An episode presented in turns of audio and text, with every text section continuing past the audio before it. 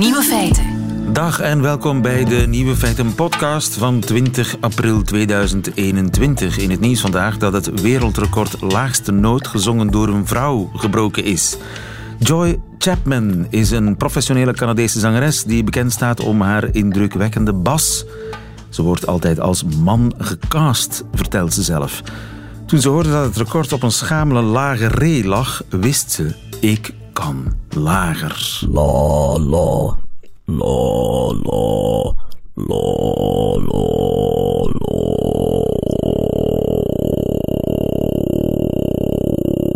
Ja, ze had nooit van die pudding moeten eten natuurlijk. Ze geraakte tot de laagste do die je op een piano kunt vinden. Ter vergelijking, zo klinkt die do op een piano. En zo klinkt Joy. Met andere woorden, we hebben een nieuwe La Esterella. De andere nieuwe feiten vandaag. Inktvissen zijn geslaagd in de marshmallow-test, een proef voor kinderen ontwikkeld. Topwetenschappers onderzoeken waarom in een zakje noten de dikste meestal bovenaan liggen. Facebook wordt iets om naar te luisteren.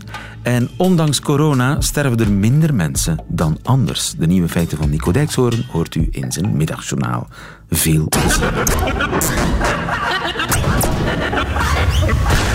Nieuwe feiten. Facebook, dat is voor mij iets eh, met foto's, met filmpjes, al dan niet met katten en af en toe natuurlijk ook een tekstbericht, maar dat is naar het schijnt de Facebook van vroeger. Want voortaan wordt Facebook niet alleen iets om naar te kijken, maar ook om naar te luisteren. Dominique Dekmijn, goedemiddag. Ja, goedemiddag. Ja, een idee briljant in al zijn eenvoud. Hè. Mensen die, die praten en dan andere mensen die daar dan live naar luisteren. Je bent Ja. eh, techjournalist van De Standaard en eh, Mark Zuckerberg van eh, Facebook, de grote baas, die heeft gisteren bekendgemaakt dat Facebook volop inzet op live audio en podcasts. Wat gaat dat concreet betekenen? Kan eh, iedereen voortaan radio zijn en spelen? Ja, dat is, eh, dat is precies het idee. Hè? Dus ehm, er is al enkele maanden iets gaande rond, rond audio. Hè? Eh, mensen hebben dat nieuw ontdekt. Eh, dat is volgens mij toch een beetje een lockdown-fenomeen geweest. We hebben zoveel videovergaderingen gehad. En dan moeten we er allemaal keurig uitzien.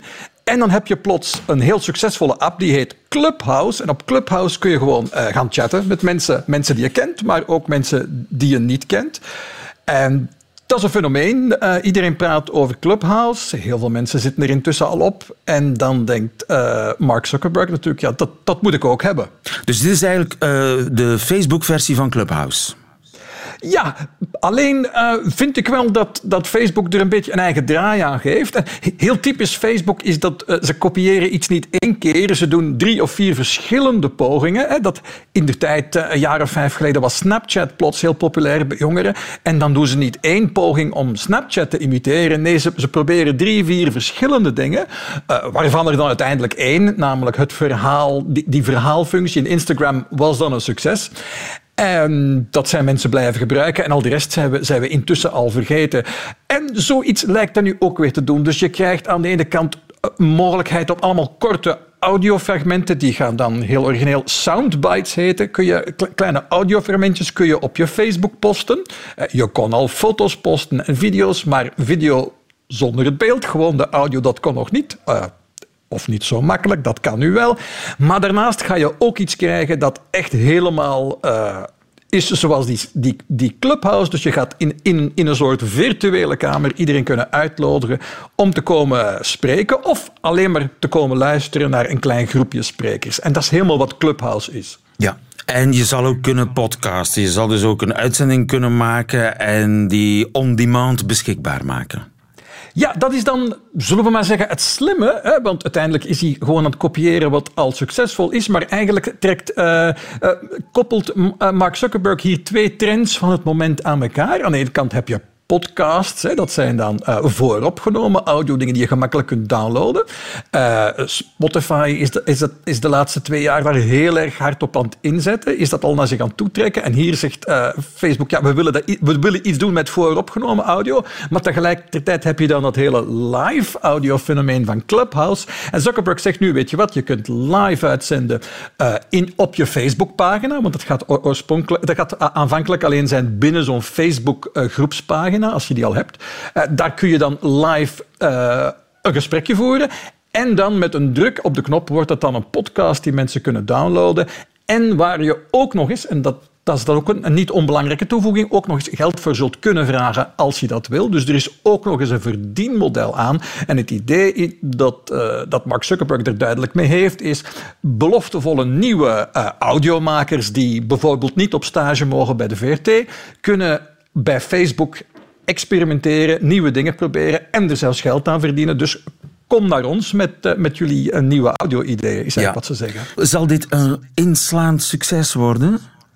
Dat weet je nooit. Hè. Dus het is typisch uh, Facebook. Hij probeert uh, niet één ding, maar drie, vier dingen. Want er, want er zijn nog een paar die, die, we niet beschreven hebben. Manieren om, om podcasts die al bestaan via Facebook te gaan verspreiden. en binnen Facebook zul je ook naar podcasts kunnen luisteren. Dus hij is veel dingen tegelijk aan het proberen. En dat is typisch wat hij doet als er iets nieuws is aan het gebeuren. en Zuckerberg zegt van er is iets aan het gebeuren en de trein is vertrokken. Ik zal er snel opspringen. Ik probeer een paar dingen. En voor het geval het dan allemaal allemaal zo'n groot succes wordt. Ik denk de grote vraag met al die opwinding rond audio tegenwoordig. Ja, nu ik denk ik niet dat het luisteren naar audioprogramma's uh, dat dat zomaar overwaait. Hè. het is op zich al een vrij oud idee. Maar het idee van die, van die gesprekken waar iedereen dan al kan deelnemen, die clubhouse dingen, het was toch heel erg een lockdown-fenomeen. Eh, je had niet echt een andere manier om gewoon te beginnen luisteren met mensen die, die je niet kende.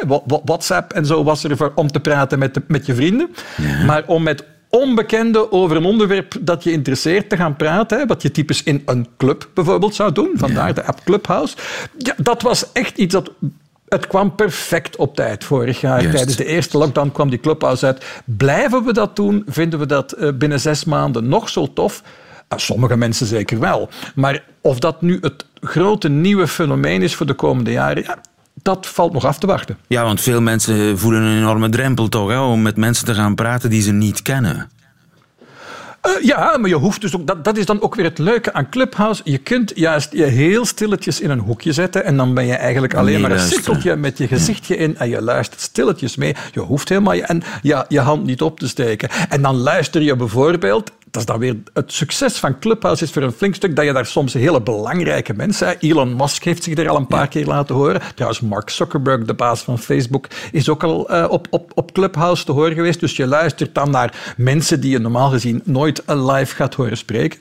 En dat heeft toch wel een, een, zekere aantrekkingskracht. Dus je kunt zowel zelf gaan spreken, maar je kunt ook stilletjes luisteren. Er is eigenlijk voor iedereen wel iets hoor. Ja, en als er een fietsenmaker is die de kriebel voelt om een, uh, een, een fietspodcast te maken, dan kan dat via Facebook heel makkelijk. Ja, dat, dat podcastfenomeen is natuurlijk iets dat al een paar jaren langer bezig was. En Spotify een live-uitzending over fietsenmakerij. Allemaal naar zich toe Ja, precies. Uh, ja, voilà. Maar ik, ja, ik denk precies, hè, dat, dat soort dingen. Er zullen zeker niches zijn, speciale dingen, waar mensen zeggen van, ja, laat ik het dan op Facebook doen. Uh, het kan elders ook, maar op Facebook heb ik direct toch al een flink publiek. Je kan het gemakkelijk met een druk op de knop uh, naar allemaal vrienden sturen en die sturen het dan naar hun vrienden. Op zich is het geen onaantrekkelijk idee. Ja. En komt er natuurlijk op neer voor de gevestigde media om daar ook aanwezig te zijn. Ik podcast ook. Misschien moet ik met mijn podcast ook maar naar Facebook trekken.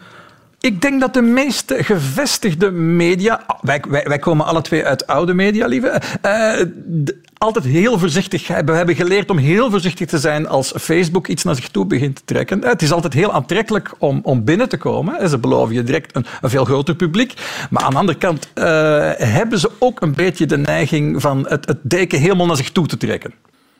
En dus ja, in het algemeen, uh, uitgevers en radiomakers hebben graag een direct contact met hun publiek. En als Facebook zich daartussen komt zitten, dan loopt dat vaak niet zo best af. Dus ik geloof dat gevestigde media, bestaande radio's, bestaande uh, grote podcastmakers hier voorzichtig mee gaan zijn. Maar wie van niks begint, wie nog geen publiek heeft, gaat dit misschien een goede plek vinden om te beginnen. Dominique Dekmijn van De Standaard, dankjewel. Goedemiddag.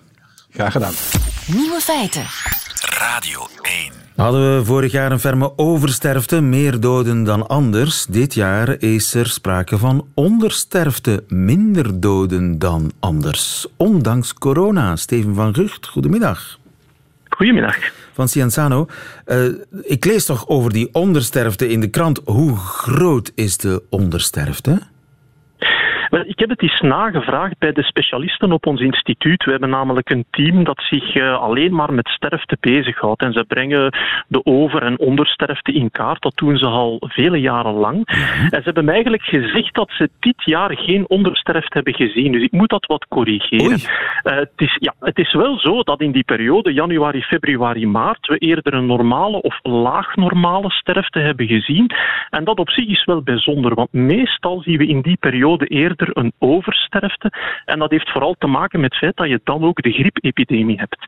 En uh, er zijn seizoenen waarbij dat de griep, als die hevig woedt, kan die ook oversterfte veroorzaken. En ja. dat ligt dan zo in de grote orde ergens tussen de 500 tot uh, 3000 extra overlijdens bovenop het normale. Maar, en dat hebben we dit jaar niet gezien. Wacht eens even, Steven. Want ik lees in de krant dat in het eerste kwartaal, dus januari, februari, maart dat er 2300 mensen minder overleden zijn dan gemiddeld in diezelfde periode.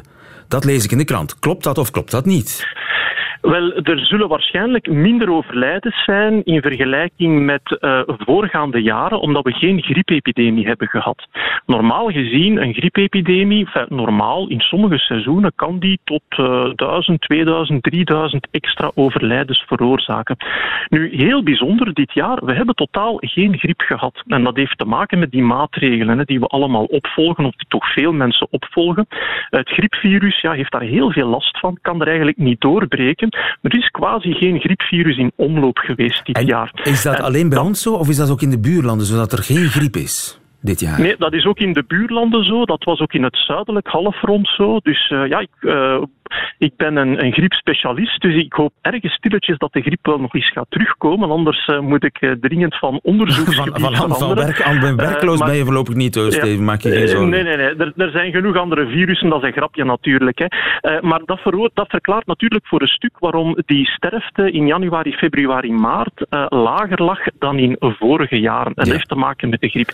Tegelijk hadden we in die periode ook de coronacijfers vrij goed onder controle in België. Hè. want andere landen hadden wel oversterfte omwille van het uh, coronavirus, maar Aha. dat hadden we in België niet. Dus daar ligt het aan dat we eigenlijk uh, vrij goed uh, de maatregelen hebben opgevolgd. Ja. in die periode althans. moet je daaruit nu besluiten dat corona veel besmettelijker is dan griep? Want we hadden in die periode geen griep, wel corona. Ja, dat klopt. Hè. Dat, is wat, dat, dat is één besluit dat je er kan uittrekken. Dat coronavirus is een stuk besmettelijker. Als je dat vergelijkt, de R-waarde voor een griep ligt die ergens rond de 1,2, 1,3. Wanneer je geen maatregelen neemt. Voor het coronavirus ligt dat tussen de 3 en de 4. Dus een stuk besmettelijker. Uh, dat is één ding dat je er kan uit besluiten. En het tweede is, ja, de maatregelen werken wel degelijk. Hè, want de griep ja, die heeft er enorm veel last van. Die corona die heeft er ook last van, maar net niet genoeg om hem helemaal onder de, onder de knoe te krijgen, ja. jammer genoeg. Je kunt alleen maar besluiten van, stel je voor, als we die maatregelen niet hadden genomen, dan, dan hadden we gigantische cijfers gehad, sterftecijfers. Dan hadden we vele, vele hogere cijfers gehad. Dan hadden we waarschijnlijk ook een combinatie van griep en coronavirus gehad. Ja, dat had er, dat er veel, veel ja. dramatischer uh, geweest. Ja. Uh, misschien heeft u ondersterfte, als je ze dan toch zo mag noemen, ook te ermee te maken dat de meest kwetsbare mensen vorig jaar al gestorven zijn, hoe hard het ook klinkt. Ja, dat zou mogelijk een effect kunnen zijn, maar ik weet niet of dat, dat zo sterk gaat doorwegen. Mag niet vergeten dat er ook uh, bijvoorbeeld, ja, we hebben heel veel sterfte gehad in de woonzorgcentra, in die eerste en in die tweede golf. Dat is bijna meer dan de helft van de overlijdens. Maar er zijn ook heel veel woonzorgcentra geweest waar men uh, nauwelijks uitbraken heeft gehad, waar men erin geslaagd is om dat virus buiten te houden. Uh, dat blijven nog altijd mensen die vatbaar blijven, hè, wat dat het griepvirus ook zou kunnen doorbreken. Dus dat kan een effect hebben, maar ik denk niet dat dat alles kan verklaren. Ja. Sommige mensen zouden kunnen besluiten dat COVID-19 wel meevalt, want we hebben minder doden dan met griep. Nee, helemaal niet. Zelfs nu op dit moment hebben we 40 doden per dag. Dat zijn er uh, 280 per week. Eigenlijk is dat heel veel. Hè. Mensen zijn daaraan gewend geraakt. Uh, en zelfs dat is niet voldoende om een oversterfte te geven. Oversterfte, dat is toch een, statistisch gegeven. Die 40 mensen die nu overlijden elke dag, mocht dat niet vergeten, dat zijn niet meer die heel fragiele mensen van achteraan in de 90. Dit zijn 60ers, 70ers, jonge 80ers. Mensen die waarschijnlijk nog heel wat goede jaren voor de boeg hadden. En uh, dat is jammer natuurlijk. Hè. Dat gaan we, we proberen dat nu zoveel mogelijk te vermijden. Uh, maar dit blijft toch wel een dodelijk virus dat uh, nog altijd een hoge tol ook aan mensenlevens eist. Ja, ik hoorde je net zeggen in het nieuws van 12 uur dat het eigenlijk een beetje tegenvalt, hè, de resultaten van de paaspauze. De cijfers ja, zijn ongeveer stabiel nu, maar ze zakken niet ja. langer.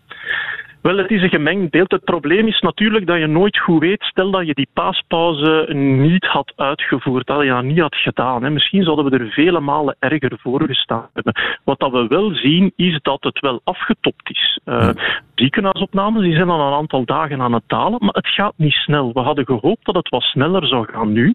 Uh, ik heb nog altijd hoop dat dat de komende dagen gaat versnellen, dankzij de vaccinatie. Hè, want uh, de maatregelen ja, die blijven relatief stabiel. Integendeel, ja, we gaan ze nog een beetje gaan versoepelen in de komende weken. Uh, we moeten die goed blijven opvolgen, maar dat in combinatie met de vaccinatie, dat kan een, een synergie geven. Hè. Dat kan een versterking geven, waarvan dat we hopen dat die ziekenhuisopnames toch uh, verder naar beneden gaan gaan. En dat is absoluut nodig, hè, want anders gaan die intensieve zorgen, ja, die gaan we niet kunnen ontlasten. En die zitten momenteel nog altijd op een kritiek hoog niveau. En die versoepelingen, gaan we ons die kunnen veroorloven, denkt u? Um, wel, als we ze voorzichtig uh, en met respect aanpakken. Hè, alles zit hem, uh, ja, de devil is in de details, denk ik. Hè. Dat geldt voor de scholen zo. Daar gaan we heel veel testen en dat, dat gaat ons ook helpen. Hè. Want voor een stukje de voorbije weken hebben we gezien dat er heel wat minder getest werd. Zeker ook bij kinderen en bij tieners. Dat gaat nu veranderen. Er gaat weer meer getest worden. Dan ga je wel meer besmettingen vinden. Maar je gaat ze ook beter kunnen opvolgen. En dat kan ons helpen. En hetzelfde verhaal natuurlijk voor die andere versoepelingen, de contactberoepen, de kappers. Die mensen weten ondertussen hoe dat ze veilig kunnen werken. Eh, dat maakt toch wel een groot verschil, ook voor de, de terrassen. Als we dat goed organiseren, dan kan dat met een beperkt risico. Dus het zit hem echt, denk ik, in de toepassing, dat dan in combinatie met algemene maatregelen en vaccinatie, en dan gaat dat goed komen. Ja, dankjewel, Steven van Rucht. Goedemiddag. Graag gedaan. Radio 1. Nieuwe feiten. Haal een doos notenmix in huis, wacht een week of twee en kijk, de dikste noten liggen bovenaan in de doos. Was u dat nog niet opgevallen? Het lijkt dikke zever of tovenarij, maar het fenomeen heeft zelfs een naam. Het Brazilnotenmysterie. Brazilnoten zijn die dikke kanjers, die halve manen. En nu hebben wetenschappers geprobeerd om dat mysterie, dat Brazilnotenmysterie, te kraken. Dirk van Dijk, goedemiddag. Goedemiddag, leven. U bent professor fysica in Antwerpen. Ja. Was het jou al opgevallen dat Brazilnoten meestal bovenaan komen te liggen? Eh, nee, niet met Brazilnoten. Ja, je moet dan toevallig die mengsel hebben van Brazilnoten en pindanoten, maar toch wel met andere dingen. Hoor. Als je soms schudt, dat bepaalde onderdelen naar boven komen drijven, hè, uh, terwijl je eigenlijk toch niet weet hoe dat, dat komt. Ja, en, en, het heeft dus met het schudden te maken. Ja, het heeft met schudden te maken. Schudden of, of draaien, dus het bewegen, in elk geval bewegen. Ja. ja. Maar je zou toch niet uit zichzelf. Je zou toch het omgekeerde verwachten, dat de, eh, dankzij de zwaartekracht de zware noten zakken, de lichte stijgen. Ja, opletten, hè, want, want eigenlijk heeft het te maken met soortelijk gewicht. Hè. Ja, dus ook. de sorry, zijn zwaarder, om, zwaarder ja, omdat, ze, omdat ze ook groter zijn. Hè. Maar het is niet noodzakelijk. Maar pas op, hè, in bepaalde berekeningen, als men dat vervangt door knikkertjes bijvoorbeeld, dan vindt men dikwijls dat de grote naar beneden gaan en de kleintjes naar boven. Dus het is hier duidelijk dat te maken heeft met de vorm. Hè, want men heeft de experimenten ook gedaan met knikkers. Maar hier is het duidelijk de vorm die maakt dat die, die, die Brazilnoten naar boven stijgen. En het is inderdaad een bekend probleem, het Brazil-nut-effect. En dat is niet zozeer omdat mensen geïnteresseerd zijn in noten, maar wel omdat men soms uh, van die mengsels wil maken die men zo homogeen mogelijk wil maken. Ik zeg maar iets in de farma-industrie of in de voedingsindustrie. En waarbij men wil dat het gemengd blijft en niet dat het zich ontmengt. Dat er niet één van die componenten erboven komt, want dan is de menging niet compleet. Ja. Dus dat probleem is een belangrijk probleem. En om dat op te lossen, dat is niet zo'n eenvoudige methode om dat op te lossen. En dat is het in dit artikel. Dat is een artikel in Nature, dus ook toptijdschrift. Dan denkt je alleen noten in Nature. Noten Maar- in maar- nature. Ja. ja, inderdaad. Hè. Maar nee, dat is, het is een belangrijk probleem. En Want ze hebben dat dus maar- echt ge- ge- daarmee geëxperimenteerd. Ze hebben ge- gekeken in detail hoe dat precies werkt, hoe die dikke noot van onder naar boven geraakt. Ja, absoluut. En, en eigenlijk de enige manier om dat te kunnen doen is in drie dimensies kijken. Hè. Eh, en dan moet je eigenlijk, hoe kan je nu in drie dimensies binnenin iets kijken? Want je kunt zeggen, we doen die noten in een glazen pot, maar dan zie je alleen de buitenkant. Ja, Dus dat kan alleen onderzocht worden. En ze hebben scant, ze hebben een CT-scanner gebruikt in Manchester. Dan bovendien nog, men wilde schudden, dus men moest telkens even stoppen om dan terug een scan te nemen, want tijdens het schudden kan je natuurlijk niet scannen, dat mag niet bewegen. Dus je moet eigenlijk een serieopname van beelden, tot 100 of 200 beelden, telkens met een klein tussenpauze om te zien hoe dat, dat systeem daar stilaan veranderd is. En dan heeft men werkelijk ontdekt dat, dat die noten naar boven gaan in drie fasen. Dus uit het eerste fase is, die noten zijn, zijn gekend, ze zijn groot, en die liggen eerst plat. Die liggen plat op een bepaalde hoogte, dikwijls op de bodem. Maar als je schudt, dan willen die, die pindanoten die willen die plaats innemen, want als zo'n grote noot recht gaat staan, komt er veel meer plaats vrij, Aha. omdat die net een lange vorm heeft. Dus die duwen die noot een beetje naar boven, dan komt die recht staan. Hè? En die pindanoten, ja, dus door het schudden, hè, willen, en dat is een soort massaverplaatsing, maar goed. En dan, dan duwen die op die start. Hè. Dus als er voldoende kleine pindanoten zijn, die op die start, zoals als je een stuk zeep duwt, dan gaat dat ja, stilaan ja, naar boven. Ja, inderdaad. En omdat die scherp is van boven, scherp, alleen toch eh, niet erg bot, stijgt die gemakkelijker. Die heeft minder weerstand te overwinnen tot als die boven komt. En dan, als hem boven komt, dan gaat hem terug plat liggen. Dus men heeft drie fasen ontdekt. Eerst Dus eerst ligt hij plat, dan gaat hij wat meer rechtop liggen, die Rechtop, langwerpige grote Brazilnoot. En, en daardoor komt er meer plaats vrij en zakken die kleine nootjes en duwen als het ware die grote noot naar boven.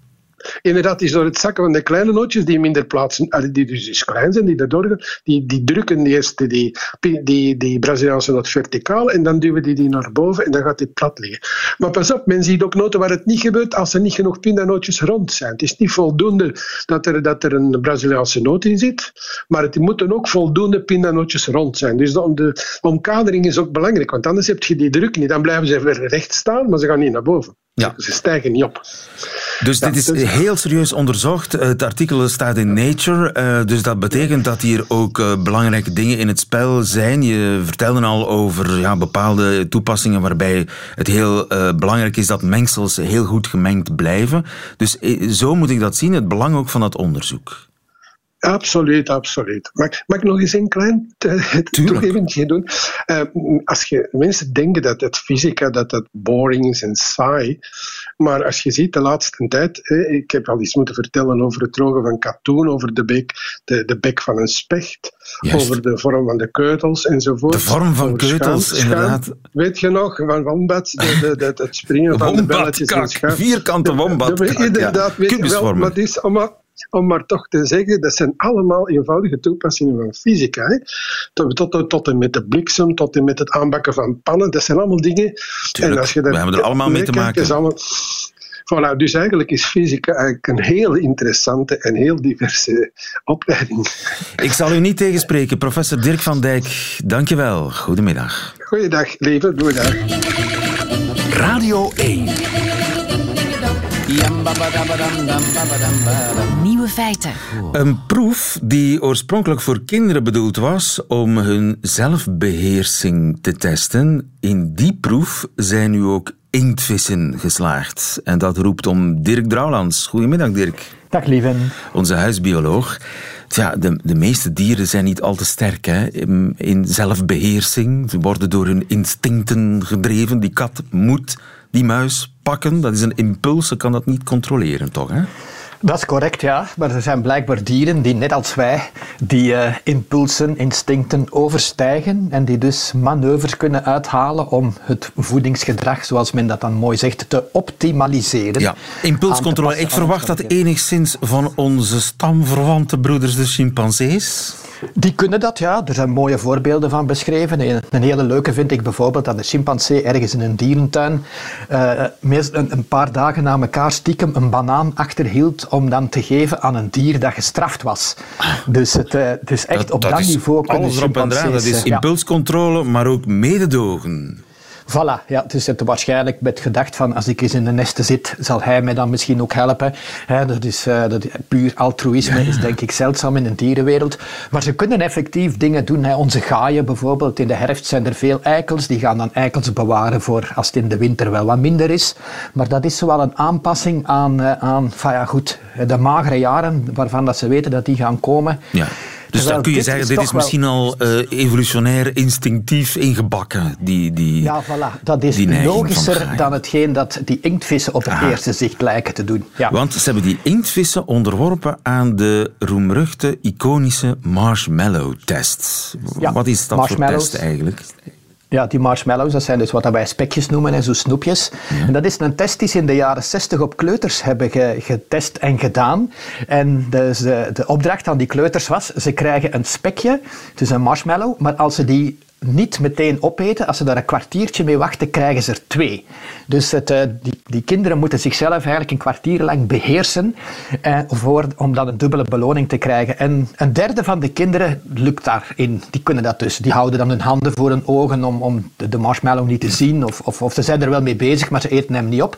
En dan heeft men met uh, 20 jaar vertraging eens terug naar diezelfde kinderen gaan kijken en heeft men gezien dat die later in hun leven succesvoller waren dan degene die direct voor de eerste marshmallow gingen. Ja, dat, je, dat je dat eigenlijk al als, als kind kunt eh, checken, zal dat kind succes hebben in het leven eh, met die marshmallow-test. Wel minder evident gebleken dan het op het eerste zicht leek. Maar goed, de test zelf als dusdanig is best wel eh, illustratief voor het zelfbeheersen, de wilskracht op de kleuterleeftijd. Ja. En nu heeft men daarvoor zeekatten, hè, dus onze klassieke inktvis die ook in de Noordzee voorkomt, en die, dat zeeschuim, hè, die, die schelpen, die, eh, die rugschilden die je op het strand vindt, zijn afkomstig van die beesten. Men heeft daar een soort variant op gemaakt door uh, in twee alles is doorzichtig, dus in twee bakjes, in een één bakje een stukje dode reuzengarnaal aan te bieden en in een ander bakje een levende glasgarnaal. En dat laatste is duidelijk de plat préféré van die zeekatten. Dus als ze kunnen, zullen ze kiezen voor die levende glasgarnaal. Maar de opstelling was nu zo dat ze dus eerst aan die reuzengarnaal konden, maar als ze daar niet aankwamen, ging een beetje later ook die glasgarnaal ter beschikking komen. En dat kon je aan die zeekatten leren, dat, dat als ze maar een beetje wachten, dat dan het, het echte lekkere Ja, er, was, er kwam wat, wat, voorbereidend stuurwerk aan te pas om, om die opstelling in hun poten te krijgen. Maar het uh, ene keer dat, dat, dat, dus, dat ze dat goed door hadden, hoe dat marcheerde, was dat dus de opstelling. En dan gingen ze, de, ze gingen de tijd tussen de, uh, de reuzengarnaalbeschikbaarheid en het krijgen van de levende garnaal altijd maar langer maken.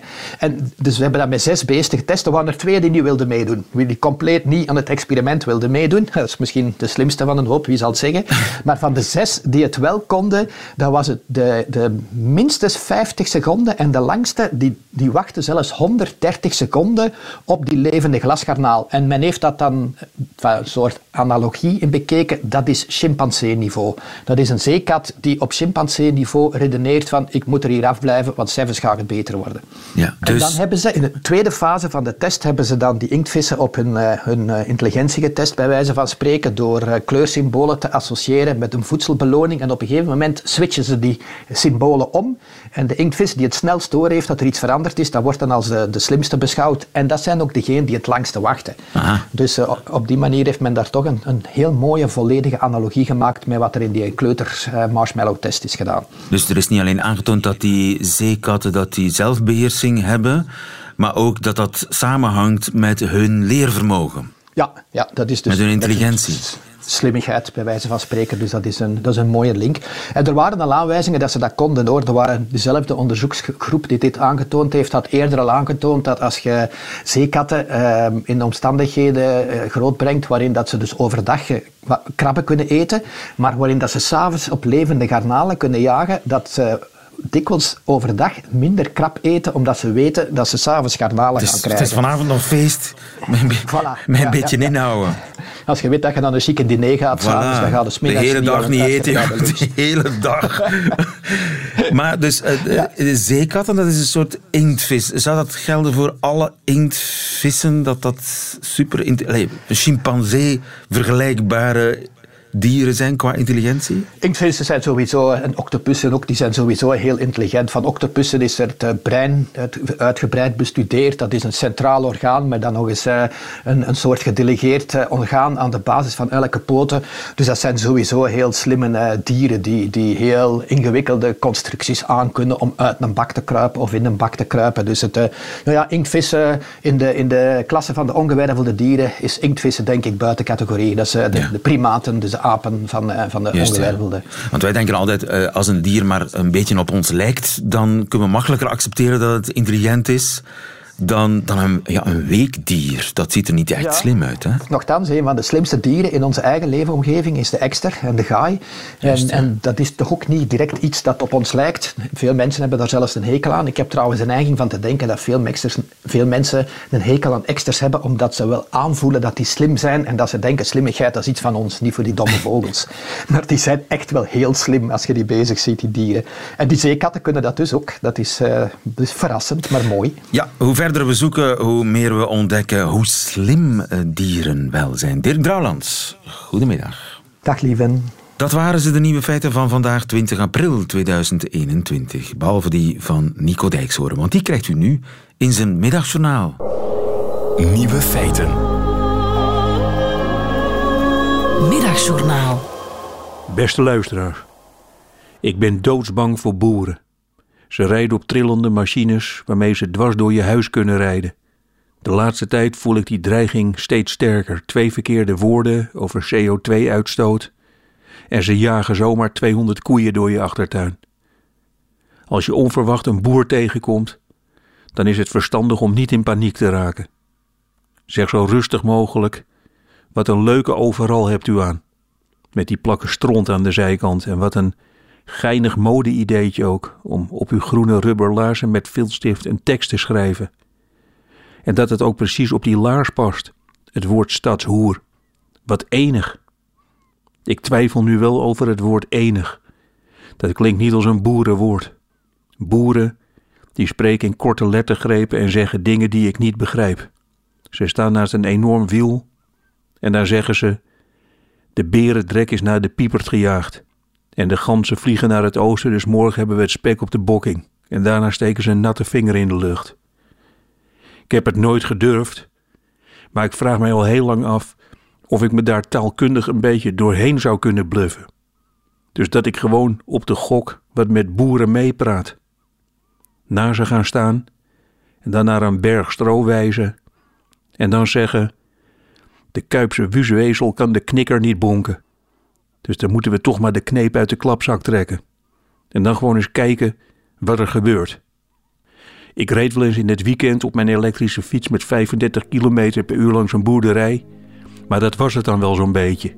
Maar nu, in deze krankzinnige tijden, trekken de boeren naar de stad toe. Ze rijden heel boos met hun helse machines een stadhuis binnen. En dat voelt anders. Twee jaar geleden leken boeren in een ander land te wonen. Maar nu staan ze opeens naast je en moet je er opeens iets mee.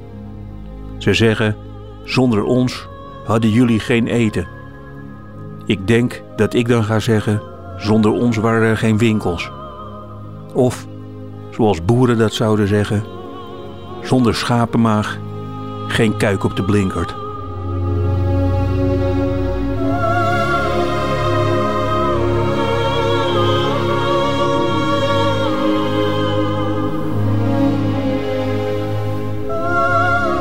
Zit op de blinkert. Die ga ik onthouden. Dankjewel, Nico, voor gesprekken in de toekomst met landbouwers. Nico Dijkshoorn in het middagjournaal. Einde van deze podcast. Hoort u liever de volledige nieuwe feiten met de muziek erbij? Dat kan natuurlijk via onze website of via onze app. Daar vindt u overigens nog veel meer Radio 1 podcasts. Tot een volgende.